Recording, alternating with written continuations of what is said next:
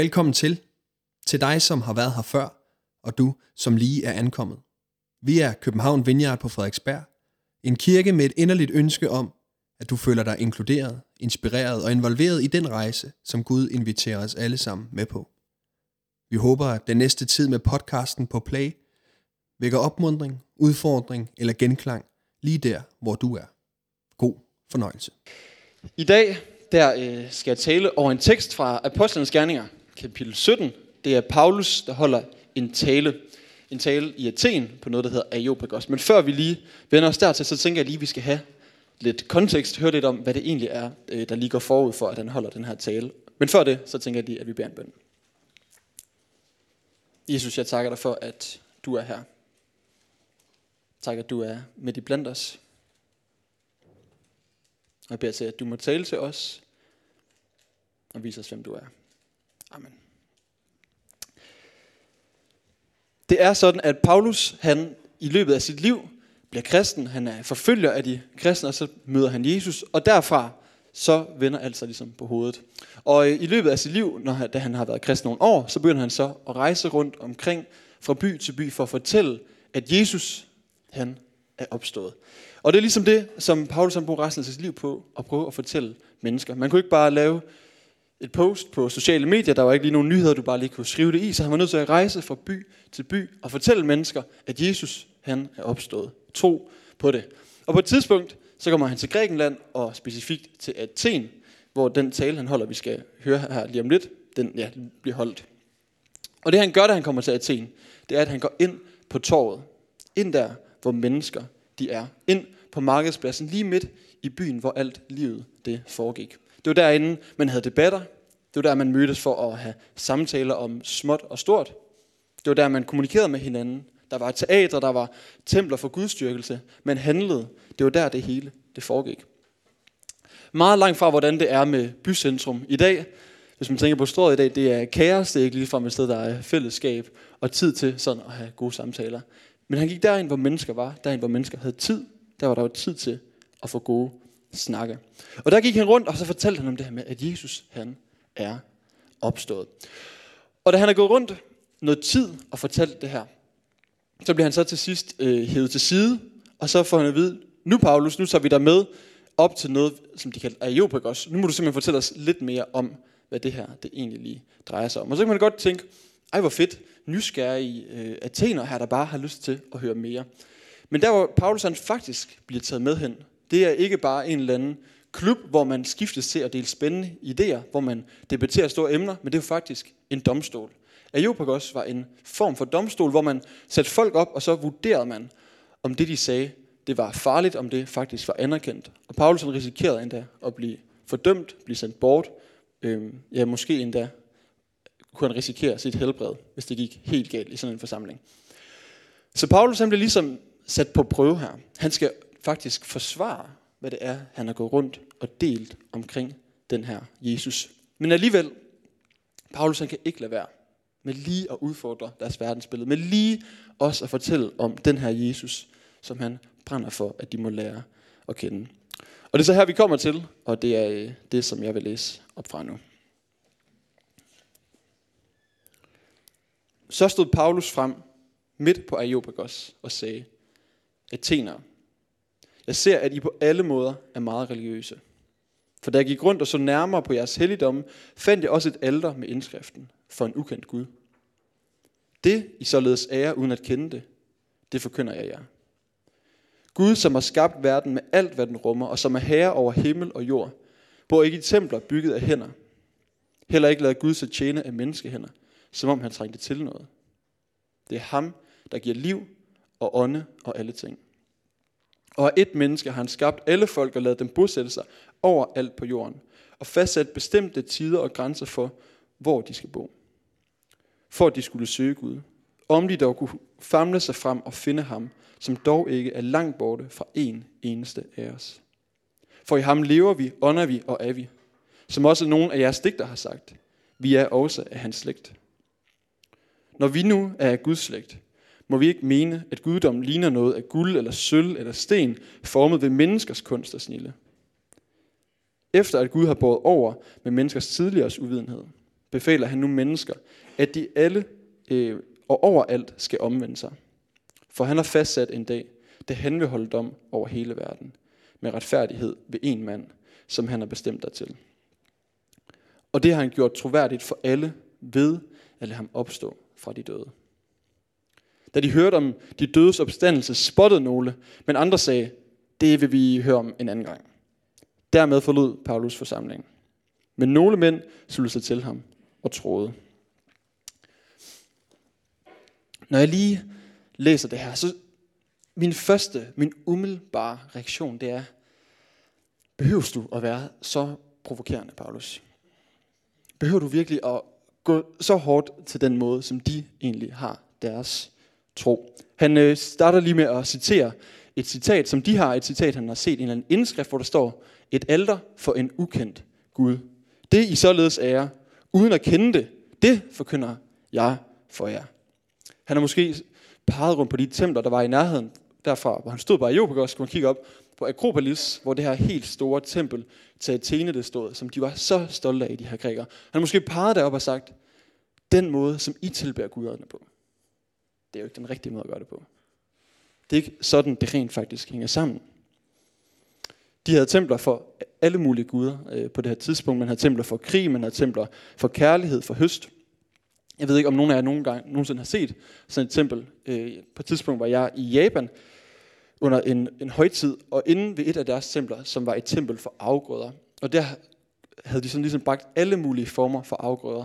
Ris og korn og øl i massevis til en god stor fest, som den her Gud kunne holde, og øh, hvad end hjertet begærer. Og sådan var det nok også i den her kultur. Man bragte ofre, man gav ting til guddommen. Og Paulus han går endda så langt til at sige, at den måde, I har jeres guder på, er ikke engang rigtige guder. Han kalder dem for afguder. Det synes jeg er ret provokerende.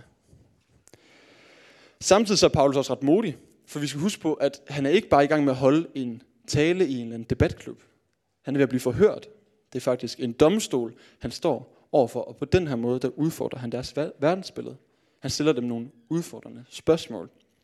Den Gud, I tror på, er det virkelig den sande Gud? Giver den Gud virkelig liv? Er det en Gud, som er smuk, en som er god at tro på?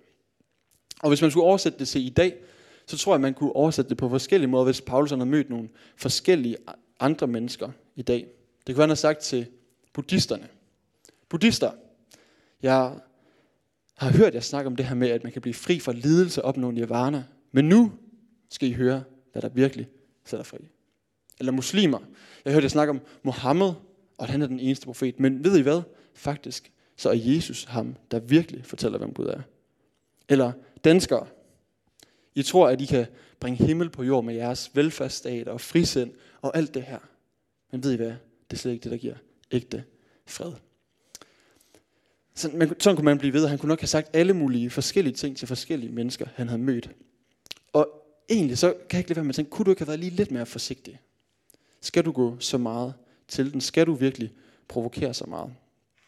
På en eller anden måde, så kan jeg også godt få tanken, at Paulus bare sådan ved at tage deres kultur og krølle den sammen og sige, den er ubrugelig. I kan ikke bruge den til noget, kaste den ud af vinduet.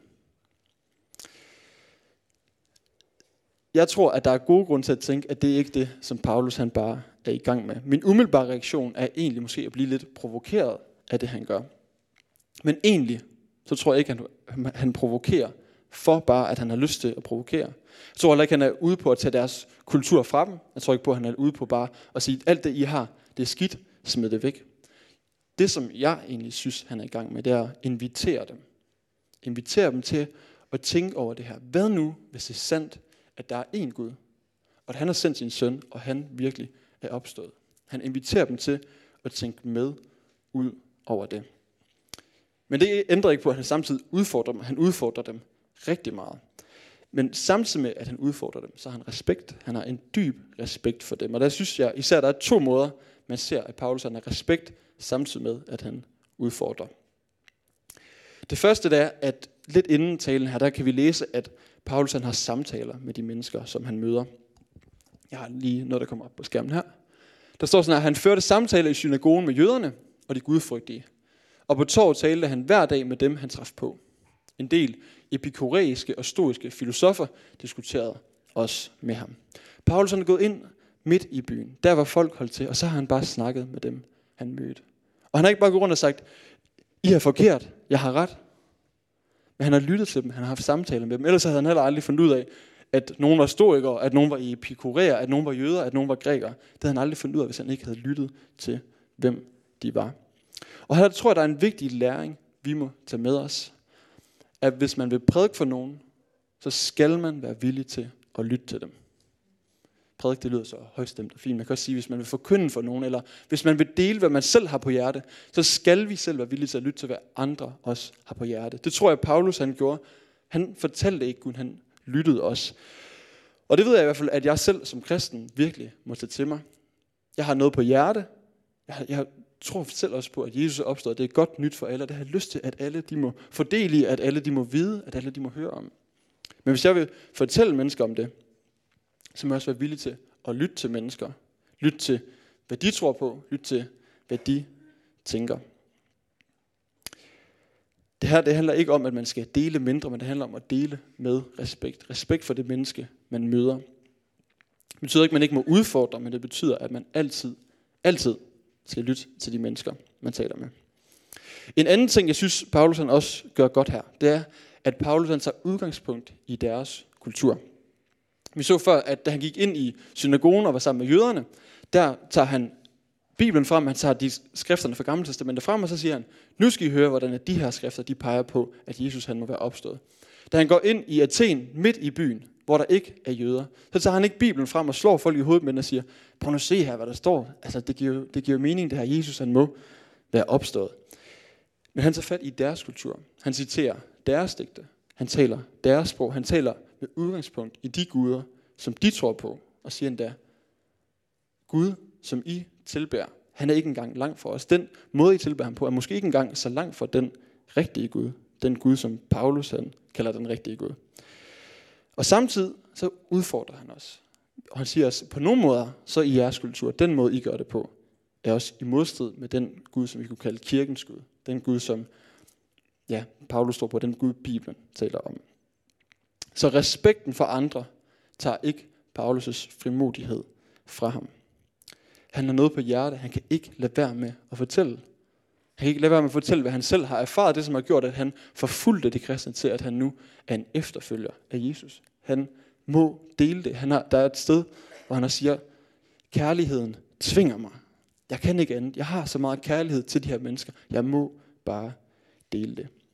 Og så inviterer han de her mennesker til at tænke sammen med ham over, hvad nu, hvis det er sandt? Hvad nu, hvis det er sandt, at Jesus han er opstået?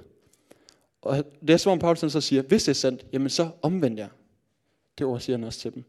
Vend om fra en måde at tro på til noget andet. Han tvinger dem ikke, men han inviterer dem til at tage stilling. Og det her med afguder, altså det kan godt være sådan lidt noget mærkeligt noget at tale om. Det er jo ikke sådan, at vi, når vi kigger ud af døren, har sådan alle mulige former for skrin og templer, som vi sådan går ind i og tilbyder. Hvad er en afgud egentlig? En afgud, tænker jeg, er noget, som vi har givet status som Gud, men som ikke er det, som er kirkens Gud. Den Gud, som folk i kirken tror på igennem ja, et par tusind år nu. Mange steder i Gamle Testamentet bliver der også talt om det her med afgud, og jeg vil lige læse to forskellige steder op. I salme 115 står der sådan her.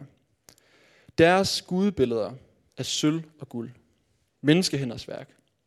Nok har de mund, men de kan ikke tale. Nok har de øjne, men de kan ikke se. Nok har de ører, men de kan ikke høre. Nok har de næse, men de kan ikke lugte. Den her måde, som David der har skrevet der på, han beskriver afguder, det er nogen, som man har brugt tid på at kreere. Noget, som har krævet noget at lave, men de giver intet tilbage. Det kan godt være, de har nogle ører, men de hører ingenting. De giver noget retur. Man kan ikke spille bold op af dem. De tager kun. De giver ikke. Esajas, han siger, øh, som var profet, han siger øh, et andet sted. Øhm, og der, her skal man lige forestille sig, sådan nogle, måske nogle træguder, der er lavet, som mennesker har tilbedt, og de bliver sådan læsset op på nogle dyr her. Der står sådan her, Gudbillederne læsses på lastdyr og okser. De, der blev båret af jer, løftes op på trætte dyr, men de synker sammen og går i knæ. De kan ikke bringe deres byrde i sikkerhed. Guderne selv må gå i fangenskab. Hør mig, Jakobs hus. Alle, der er tilbage i Israels hus. Lige fra fødslen blev I løftet op. I blev båret fra moders liv.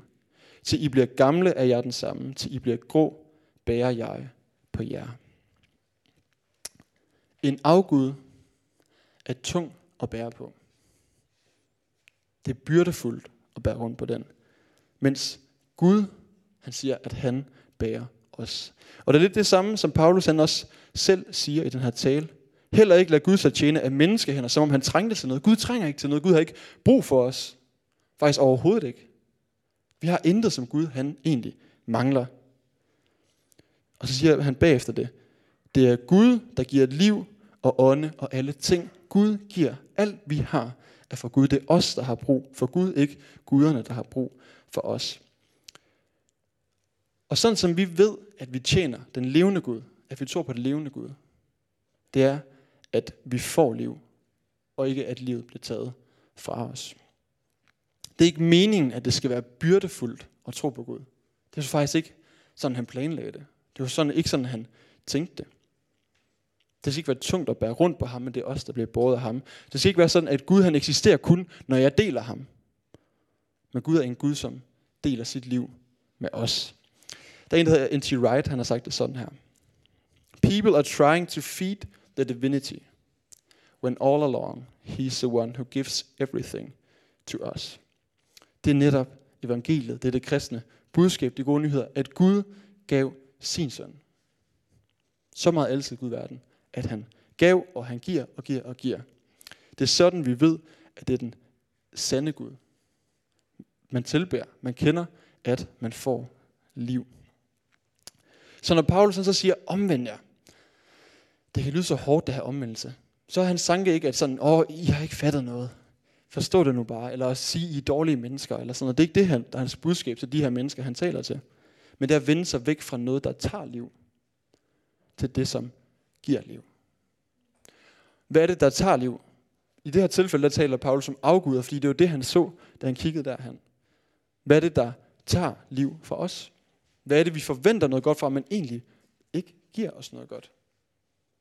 Hvad kan det være i hver vores eget liv, vi oplever er byrdefuldt, noget tungt at bære rundt på? Det er det, som omvendelse i det her tilfælde handler om. Vend sig væk fra det, som tager liv, til den Gud, som elsker at give og give og give.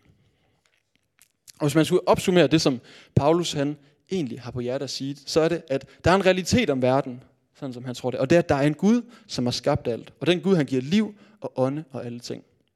Og det, som så kan blive vores realitet, det som kan blive vores virkelighed, det er, at vi kan leve og ånde og være i Gud. Fordi at alt er fra Gud. Alt vi har er givet fra ham. Det er det, vi bliver inviteret ind i. Som Paulus så siger, Gud er ikke langt borte fra en eneste af os. Det er gode nyheder.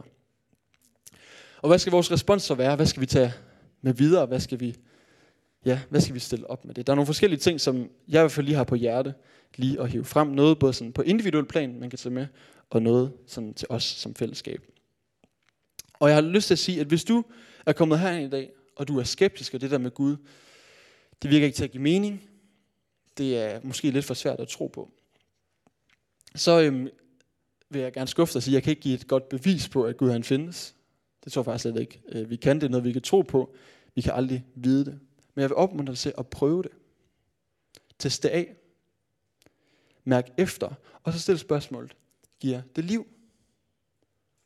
Det er sådan, vi ved, om det er den levende Gud. Fordi det er det, som er løftet. At hvis det virkelig er Gud, så får vi liv fra det. Det tager ikke liv, men det giver liv. Prøv det af. Det vil være min opmuntring eller udfordring til dig. På samme måde så tror jeg også, at hvis man er kommet her i dag, og det med tro, det bare føles tungt. Det føles som noget, jeg skal bære rundt på. Det er byrdefuldt. Det er hårdt at tro hele tiden. Så tror jeg bare, jeg vil stille et spørgsmål. Er der et billede af Gud, som du måske har brug for at vende dig væk fra? Så kan omvendelse være at vende sig væk fra et billede af Gud, som egentlig ikke er det, som man egentlig tror på, men som man kommer til at forestille sig, at Gud er på en særlig måde. Jeg kan for eksempel sige i mit eget liv, at når, jeg, når det, det der med tro, det kommer til at blive byrdefuldt og tungt, så er det Ofte fordi jeg får et falsk billede af, hvem Gud han egentlig er. Fordi jeg kommer til at tænke om Gud som noget andet, end det, som jeg egentlig på papiret tror på. For eksempel så kan det være for mig, at jeg kommer til at tænke, at Gud han er en, jeg skal præstere for. Gud han er en, jeg skal gøre noget for. Han er nærmest en, jeg har et job hos. Og så afhænger det hele af, hvordan jeg gør det. Hans kærlighed til mig afhænger af, hvordan jeg klarer den. Så bliver det at tro en byrde, det bliver tungt. Og jeg må bare gang på gang minde mig selv om, hvem er det egentlig, jeg tror på. Fordi det er der, livet det kommer. Der har jeg brug for at vende om. Vende om til den Gud, som giver liv. Det tror jeg, han inviterer os alle sammen til her i dag. Så har lyst til at sige noget til os som fællesskab. Og det er, at jeg tror, vi skal passe på med at gøre kirken til et græsk tempel. Og det, som jeg mener med det, det er, at Paulus han taler om det med, at i de her templer, som han har peget op på og talt om, der er det afhængigt af, at man bringer offer til Guden. Guden er afhængig af det, som vi giver. Så må det aldrig være. Så må vi ikke komme til at tænke om kirke. Så må vi ikke komme til at gøre med kirke. At vi er hele tiden afhængige af, at vi giver noget for at holde Gud i gang. Hvis København Vineyard ikke var her, åh, vil Gud så falde fra hinanden? Vil han så ikke længere eksistere? Det er ikke sådan, det er. Det er den anden vej rundt. Vi er her, fordi at Gud han er her. Først, vi er her, fordi at Gud han giver liv. Og det er derfor, at vi er kommet her i dag. Det er derfor, vi bliver ved med at komme. Og det er derfor, vi er her, fordi at Gud giver liv. Og det er ham, vi ønsker at møde, når vi kommer i kirke. Min øh, underviser, eller en af mine undervisere på universitetet, han har sagt, at han sammenligner altid kirken med en gymnastiksal. Mærkeligt, som det lyder. Øhm, det kan være, du har dårlige minder fra øh, gymnastik, så tænk måske på et eller andet andet. Øhm, jeg ved ikke, hvad det kunne være. I hvert fald, det han mener med det, det er, at kirke det er et sted, vi går hen for at træne. Vi træner, vi øver os i at se, at overalt, der er Gud. Overalt, der er den Gud, som giver liv. Vi kommer ikke her for at give Gud mad. Vi kommer for at få fra ham. Vi kommer for at få hans liv, for at få hans håb. Og når vi får det, så kan vi dele ud af det. Ligesom Paulus han gør og gå rundt og deler det med mennesker. Det er det, vi bliver inviteret til. Kom og få liv og dele det videre til andre. Tak fordi du lyttede med. Vi håber, at du går herfra med mod og nye tanker. Er du interesseret i mere fra København Vineyard, kan du finde os på Facebook, Instagram eller på vores hjemmeside. Du er altid velkommen forbi kirken på Nyvej 7 på Frederiksberg, både til gudstjeneste om søndagen eller i løbet af ugen. Guds fred og velsignelse til dig.